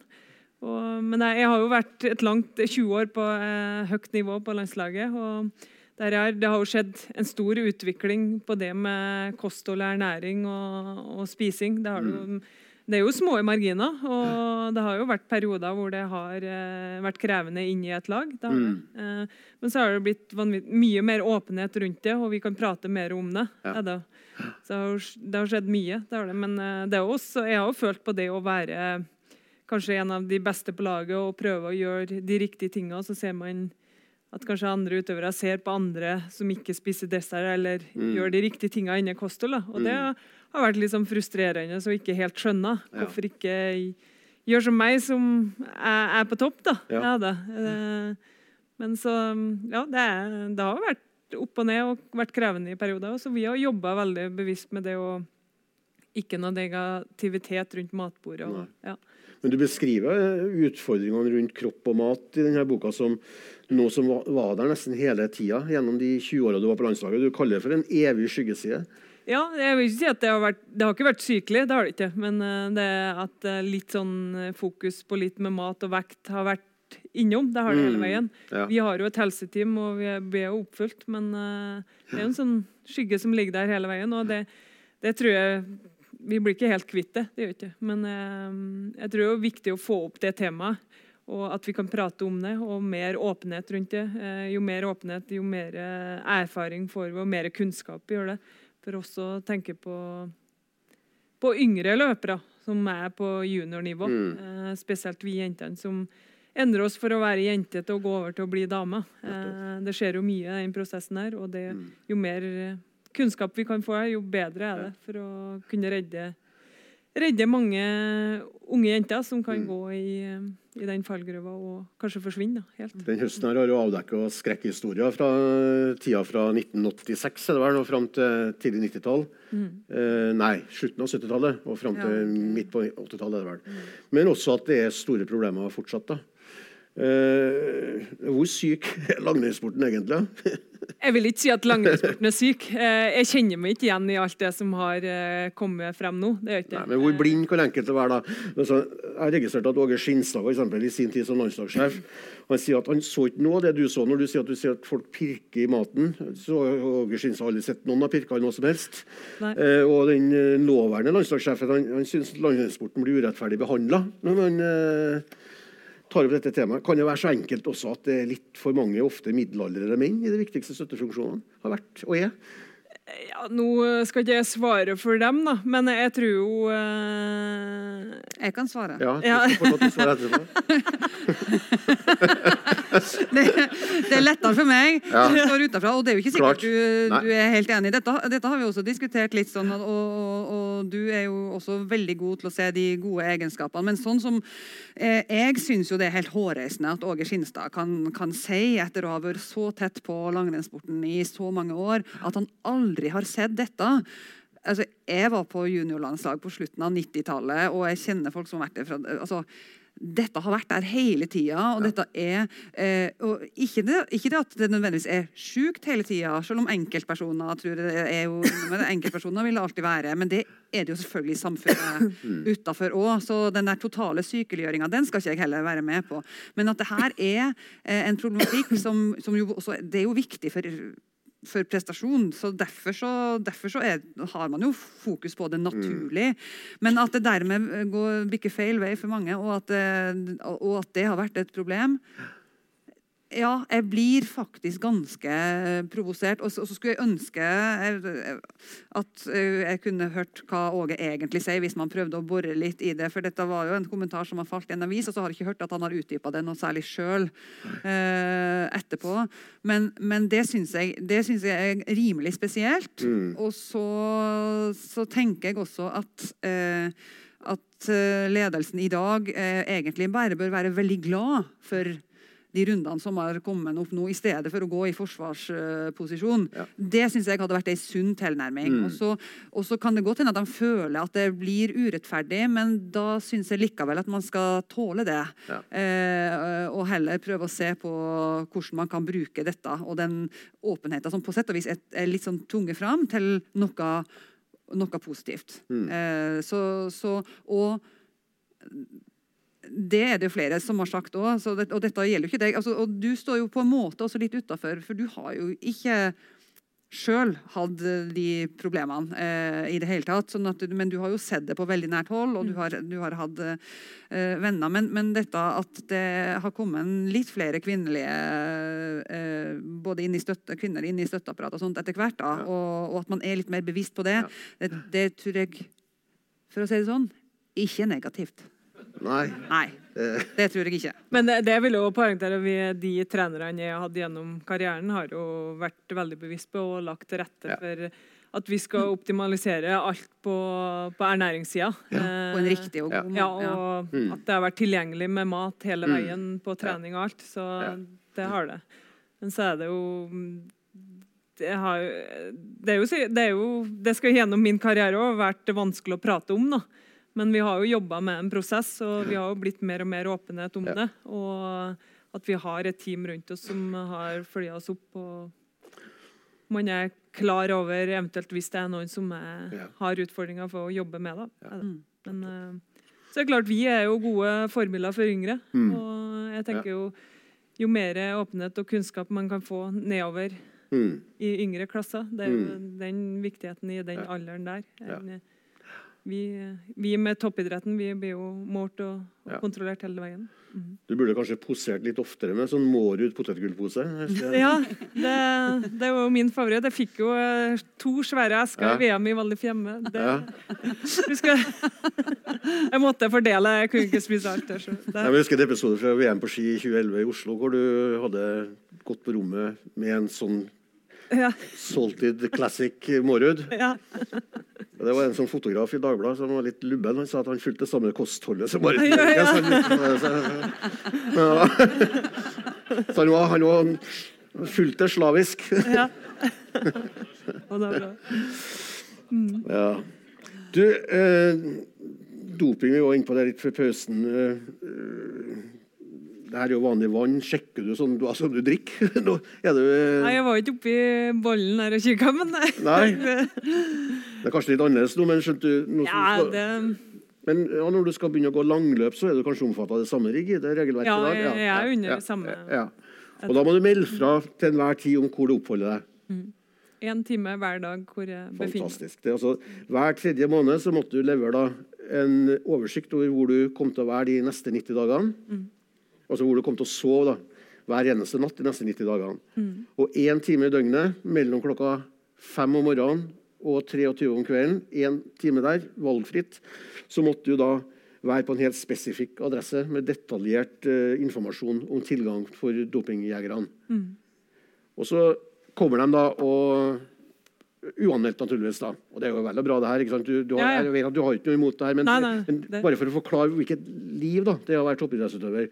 Du satte opp tida mellom seks og sju om morgenen som den, som den eh, Hva kalles den tida der? Eh, Slottstid, som vi kalte Slottstida, Ja, riktig. Slottida, Den ja. tida vi måtte være ja, Da må du være der klokka mellom seks og sju om morgenen. Men så ringer de på døra til den morgenen klokka halv sju. Og så hører du ikke at de ringer på. Nei, jeg hører ikke ringeklokka. Jeg gjør ikke det. Jeg sover eh, for tungt. Jeg gjør det. Ja. Mm. Og da får du en advarsel. Mm. Ja. Og hvis du sovner to ganger til, så er du dopingtatt. i Ja, da er du ut, eh, utestengt i to år. Ja. Mm. Ja. Det er hverdagen. Det er faktisk sånn, det. Det er, det er fascinerende. Ja, men eh, jeg er jo mm, Jeg heier jo på systemet, jeg gjør Ja. jo det. Ja. absolutt. Og så lenge også det fungerer i andre nasjoner, Ja. og så er jo det Det har jo blitt sånn. Det, det har jo blitt fordi man skal kunne få tak i utøverne, og det, det er jo en- Det er jo en grunn til at man har utvikla det. Det er jo kanskje folk som har utnytta systemet, og Mm. at det har ført til at det er blitt sånn. Ja. Men eh, jeg heier jo på antidopingarbeidet og Ja. vil jo at eh, Men blir man paranoid? Kan man bli paranoid?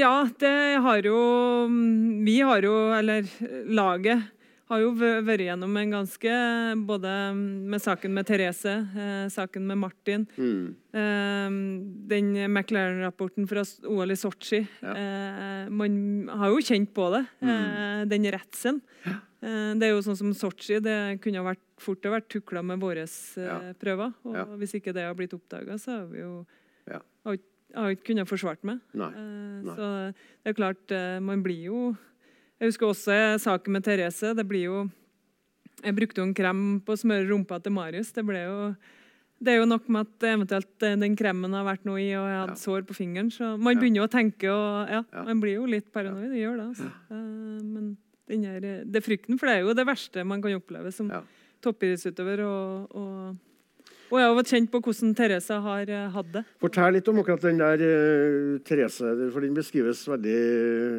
fascinerende i boka. Altså, da den kvelden før egentlig resten av Norge får vite nyheten, så henter hun inn alle landslagsjentene hjem til seg. Mm. Rett inn i nabolaget til deg. Mm. Men du er alene hjem, og du har ikke noe barnevakt, men du skjønner at noe er alvorlig på gang. Ja, jeg, vi var jo invitert til Therese, og så mm, Jeg hadde jo Marius, og så var Fred Børre borte. Så jeg, det her var jo i leggetid, så jeg, jeg sa det, at eh, jeg hadde utfordringer med å komme. Men eh, så hadde hun et eh, stort ønske om at jeg skulle komme. Og så hadde jo møtt Therese noen dager før, så hun var jo, virka jo litt lei seg og litt utafor. Eh, og tok fort til tårene, så jeg skjønte fort at eh, her jeg bør bare ta med Marius og, og dra. Ja. Og komme. Du kjører i villaveiene oppe i Holmenkollåsen for å få Marius å sovne i baksetet. Ja. Jeg gjør det. Får han til å sovne, og da sover han i bilstolen mens vi Ja, da har jo Therese samla oss alle jentene hjemme hos seg eh, Ja. med trener og ja, og, og fortelle historien Ja. eh, til oss. da. Det er Ja. kvelden før det kom ut i Ja, riktig. Mm. Det, så det, det var brutalt. Det er tøft å, Ja. å se henne fortelle. Og det er jo på en måte en helt, helt uvirkelig. Ja. Men, ja. så, og også den tida Etterpå. etterpå, eller det å være så nært innpå Mm. eh, og se hvor tøft det, det er for henne. Det- Ja, ja. Og attpåtil òg da skulle konkurrere sjøl og være med og kjempe om et VM. Mm. Eh, også et OL som også ikke som hun får delta i. Og det å det også å være til stede og det å prøve å jage etter nye prestasjoner, det, jeg syns det var krevende og tøft. Og, ja, mm. Jeg hadde jo et ønske om at hun skulle være og jeg visste hun Hun var jo en av de aller beste, så at ikke hun skulle stå på startstreken. Mm. Ja, for du fikk ikke oppleve det, da? De siste Eller Nei. nei. Ute, da. Uh, doping den som forsøkte å gjøre livet litt ekstra surt for deg, var vel egentlig en polsk dame. Justina Kowalczyk. Hvordan forhold har du til hun? Ja eh, Er du Facebook-venn med henne? Nei, nå er ikke jeg på Nei, Facebook er ellers. Facebook, det- Nei, eh, jeg skal respektere Kowalski var jo en utrolig god skiløper. Eh, Men det er klart, eh, med de eh, Hun hadde noen uttalelser ja, både etter min snuoperasjon Ja. og 2010 og igjen 2011. Og, ja, Mm. ja, litt, eh, litt stikk hele veien, og det har jo ført til at man har jo ikke det gode forholdet. Det har man ikke. Det blir på hei og gratulere gjorde det Ja. på slutten av karrieren. Ja, for det er isfront, eh, hvis man skal bruke en sånn klisjé? Ja, eller er skal skal vi si isfront? Det, det Isfront på Marit Bjørgensk, det altså. Ja, ja, ja. ja. Den er ikke så kald som, Nei, nei. som andre isfronter. Nei, isbitene smelter. Ja. Nei, Man ble jo litt sånn uh, Hun for så vidt kunne jo mm, Hun kom jo aldri til meg og, Nei. Og konfronterte meg med de tingene. Eh, jeg hadde, eller hadde større respekt hvis hun hadde gjort det. Ja. Og at vi kunne ha prata om det. Ja, riktig. Du sier jo eh, et sted at, eh, at du er uheldig, at du har vært uheldig, og at du har konkurrert sammen med historiens beste langrennsløper. Det ligger jo mye respekt og anerkjennelse i det, da. Ja. skal det sies da. Ja. Ja. Så det er jo et pluss. Ja, tross alt. det var- Ja. Eh, du sitter her nå som tobarnsmor. Eh, eh, Marius og Ola. Sistemann kom jo etter at, etter at du var ferdig i Alta. Men Marius derimot, han, han virka å være nøye planlagt da, i henhold til terminlister og mesterskapssesonger. Ja. Ifølge boka så ble du gravid tre dager etter NM3-middag i Hasla. Det tror jeg var svigermora di som jeg regna fram til. Tre dager. Og så sier han Fred Børre Jeg skal ikke, jeg skal ikke tillegge meg hans dialekt, men jeg sier at det var bare å ta seg en tur til Bardus, så ordna det seg. sin. Ja. Og det sier han også i en autorisert biografi. så du kan tro at det var akkurat den så. Åtte dager etter fødselen så var du tilbake på ski. Så står det i boka mest fordi det var planen, ikke fordi hun hadde så lyst. skriver Ingrid. Eh, Men planen var altså et siste VM Ja. og et siste OL. Hvorfor egentlig? Eh, ja, eh, mm, det begynte jo å gå mot slutten. Det var jo, jeg hadde jo ønske om å, å få barn. Eh, vi hadde jo en plan på det etter VM i Oslo, men eh, da hadde jo ting gått så bra, så da hadde jeg jo lyst til å, til å fortsette. Så da ble det lagt en ny plan. eh, 2015, det var, for da var et mesterskap fri året etter der igjen. Så Eh, ja, og så synes jeg, Første gangen jeg tenkte på å legge skia på hylla, var nok i, kanskje i høsten Ja, i desember i 2014. Jeg lå på et hotellrom i, i Livigno i Italia. Delte jeg i 20-seng med Therese og så på bloggerne på eh, Mac-en. Så da burde jeg eh, Hvor lenge skal jeg drive med her? Da begynte jeg å kjenne på det. Men så var det jo det å bli mamma, og så syns jeg òg det var ja, motiverende det å prøve å komme tilbake etter en fødsel òg. at det ble en litt sånn ny inspirasjon. Da, se om man kunne klare. Mm. Mm. Så da ble det jo eh, Latti og, ja, og Ja. OL etter det. Mm.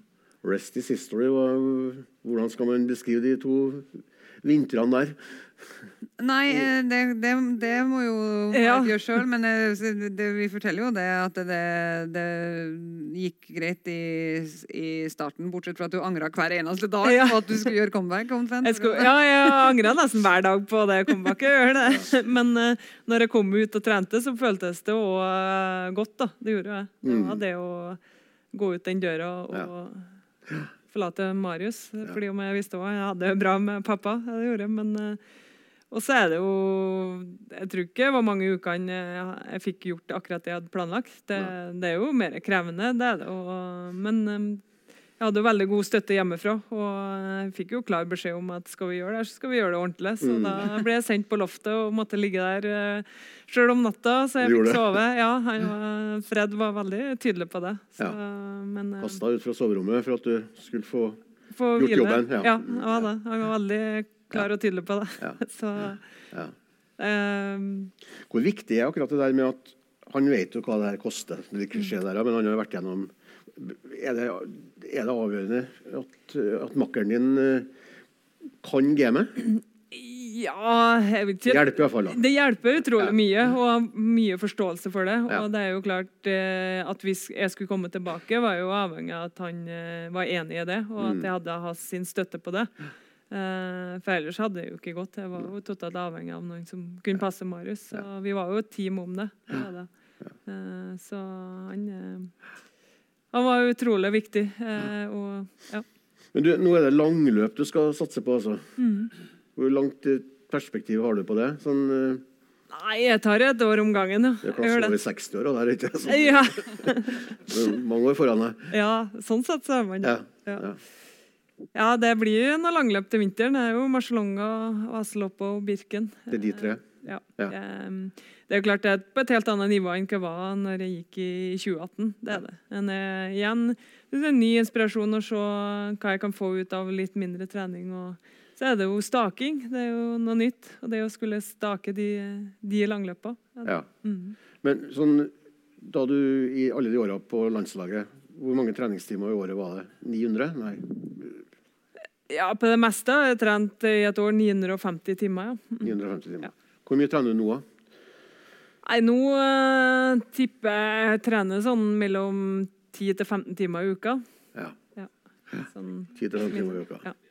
Halv- Det er jo eh, litt under halvparten av det jeg gjorde som uh, Ja, litt under halvparten. Ja. Du skal være ganske disiplinert da òg, og, ha- orden på sakene? Ja, det er jo, blir jo mer spesifikk trening. da. Mye Ja. staking og, Ja. ja, og, og løping for å holde kapasiteten oppe. Eh, Så det, det må være kvalitet når jeg først trener. Det er det. Mm. Du, hvis vi begynner å runde av og spørre, hva, hva kommer du til å savne, hvis vi ser bort fra at du skal drive på med langløp? da? Men hva, hva kommer du til å savne minst av det du har vært gjennom i de 20 åra? Fra lagt i 2001 og fram til nå. Det er nok eh, all den jobben som kreves. da, Alle de timene eh, trening. Ja, De 450 ekstra timene, altså. Sånn. Ja, eh, ja, det er sånn, ja, men også prioriteringene, da, Ja. på en måte. Mm. Mm. Man er Da gjorde man jo, prøvde å gjøre alt riktig for å få best mulig kvalitet på hver treningsøkt. da. Man er på en måte en sånn 24-timersutøver, da. Er det. det er jeg litt mer avslappa og prøver å trene en gang om dagen. Mm.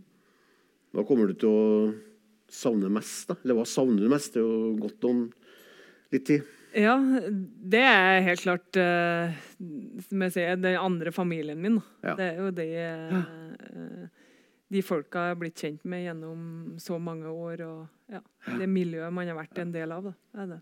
Er du fortsatt med på den WhatsAppen, eller eh, Ja, jeg, er ikke, jeg, jeg har blitt kasta ut. Jeg er ikke på det laget nå. Nei. Er det laget? Nei, jeg er ikke det. Nei. Men jeg har jo en del kontakt med og det er jo også det å kunne være i så eller OK form til å være med og trene sammen med noen av dem. Ja. Det er det. Mm. Som er litt i miljøet. Mm. Ja. For det, du henger med? Ja, hvis du vil, så går inn jeg. ja. Du må gå inn, litt snill med meg innimellom. Ja, akkurat. Er det noen som har noen spørsmål her nå? Så eh, før vi begynner å runde av med det hele. Der var det en mann i lys genser. Ja. Du var jo kaptein på laget gjennom flere år. Eh, samtidig var du den beste skiløperen blant dem. Var ikke det litt grunnlag for konflikt eller sjalusi, eller var det noe rett? Nei, jeg følte egentlig aldri det, altså. Det er jo klart eh, Men jeg tror jo mm, Vi var jo veldig på det å eh, si, bygge det laget, og det at eh, jeg kan si at Man så verdien i det å bruke hverandre. Da. Og når eh, jeg tror også Man klarer å glede seg over andre. Eh, og sånn Når Therese sto øverst, så fikk jeg ofte spørsmål med litt sånn ertende stemme fra media. 'Å ja, du ble slått av Therese i dag.' Så, men jeg tror det er enklere å, å glede seg over andre. For jeg vet også, Therese var med og utvikla meg som langrennsløper. Og, og så vet jeg at jeg har vært med og bidratt til henne å komme dit òg. Og da klarer man å sette sine egne prestasjoner til side og glede seg over andre òg. Ja, det. Eh, Det går an å og Egil Kristiansen, som var trener eh, i mange år, trekker jo fram eh, faktisk det som en av, eh, en av dine fremste egenskaper. Og det er evnen til å Evnen til å glede seg over andre. Eh, som han sa resulterte i at eh, de andre også til og med unna deg flere seire, enda du hadde så mange fra før. Så den der, den virkelig en sånn oppriktig glede som han eh, spesifikt trakk fram da, som, en, som en, eh, en egenskap som også var viktig i laget. Det der å virkelig unn- unne de andre også en seier. Så jeg tror det, det var viktig for laget. Et der. Eh, Dere har snakket litt om fremtid, men langløp det er jo på en måte litt fremtid. Men har du noen tanker som du vil dele om hva du skal gjøre når du virkelig gjør noe annet? Blir det da skuespiller eller Ja. langrennstrener, eller har du noen ideer om det? Eh, nei, jeg har ikke noe sånn konkret. det er ikke. Eh, jeg er jo engasjert i mye, men eh, jeg har jo ennå ikke landa på hva eksakt jeg skal gjøre resten av mitt liv, nei. har ikke. Nei, ikke noe konkret, nei. Der var det han Det var en der. Eh, Jeg lurer på om du har et eh, løp i løpet av karrieren din som du verdsetter høyest, da? Eller favorittløpet ditt, liksom? Ja, jeg, jeg får ofte det spørsmålet. Jeg syns det er vanskelig å velge ut et. Eh, For alle er jo sånn Det er jo det gjennombruddet jeg hadde første sprintrennet i Düsseldorf, og så er det distanse, og så er det ja, mesterskap, VM-gull, OL-gull. Så jeg syns det er vanskelig eksakt å velge én. Ja. Det er det. Det faser egentlig hele veien. Da. Det er det. Gjennombrudd som er kanskje de løpa som er, henger størst. Mm. Alle premiene og pokalene og alt det du har erverva deg gjennom et langt, eh, eh, lange karrieren din Eh, Er de plassert på Rognes, eller har du dem i huset ditt i Holmenkollen? Nei. Jeg har ingenting i Oslo, men uh, hvis dere vil se, så er det, er det i banken Soknar Sparebank på Støren. da. Er det. Så, Og litt på Kulturhuset. og litt på Kulturhuset i eh, De som lurer på dette, kan henvende seg til Katrine Sandnes, bokas redaktør. Hun var på premiesafari på Støren i går. Eh, Det var et av hennes høydepunkt, så, så hun kan alt om hvor, eh, hvor de premiene Men oss som utenforstående, da, som kommer på besøk til, til Marit hjemme, det er litt fascinerende. At det, du kunne aldri ha gjetta at det bodde en åtte ganger olympisk mester og 18 ganger verdensmester i det huset. Det, det er Minimalistisk leilighet med barneleker. veldig, veldig vanlig innreda hus, eh, faktisk. Så det ja. Ja vel. Da begynner vi å runde av. Det var ett spørsmål til. Hva er det? Ja, spørsmål. Lyd på? Ja. Nei, altså Rognes, ja eh, Er det et slags å sammenligne med Kenya? Du vet, altså Fra Afrika så er det Kenya, det kommer fra Kenya. Og det er noen fordeler der, ikke sant? Ja. Terreng og lange veier til skole osv. Ja. Du har jo hatt lang vei ned til Rognes skolen der, og så har du Troøybakkene i tillegg. Mm. Altså, det må jo være noen lokale fordeler her. Barndom og natur og terreng. ja, absolutt. Og jeg er jo eh, Jeg hadde ikke kanskje tenkt Kenya når jeg hadde tenkt Rognes, men eh,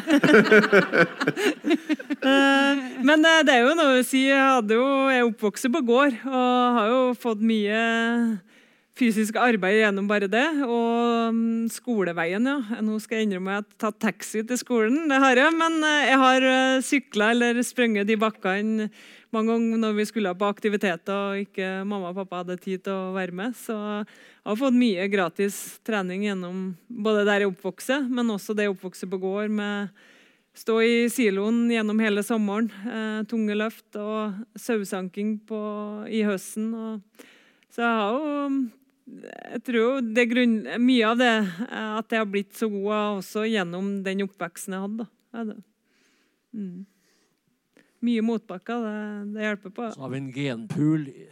Johannes i tillegg. ikke sant? Det er en genpool i Ja. Midtre Gauldal. Ja, og han har jo noen røtter derfra, han òg.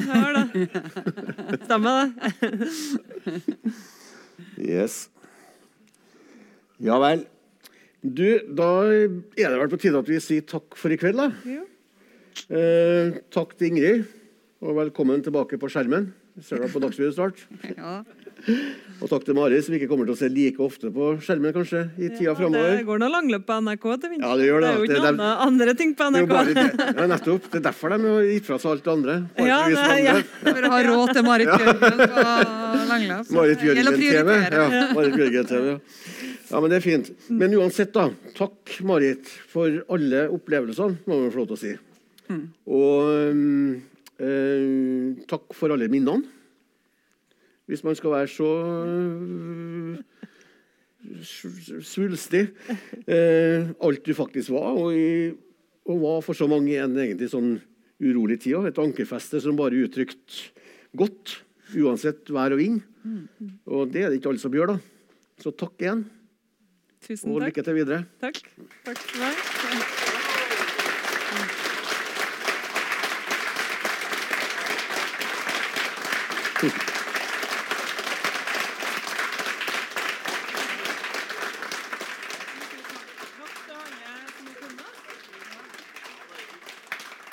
Ja, det kan du si. Ja. Ja. Jeg må jo takke alle dere som har tatt turen for å høre på oss.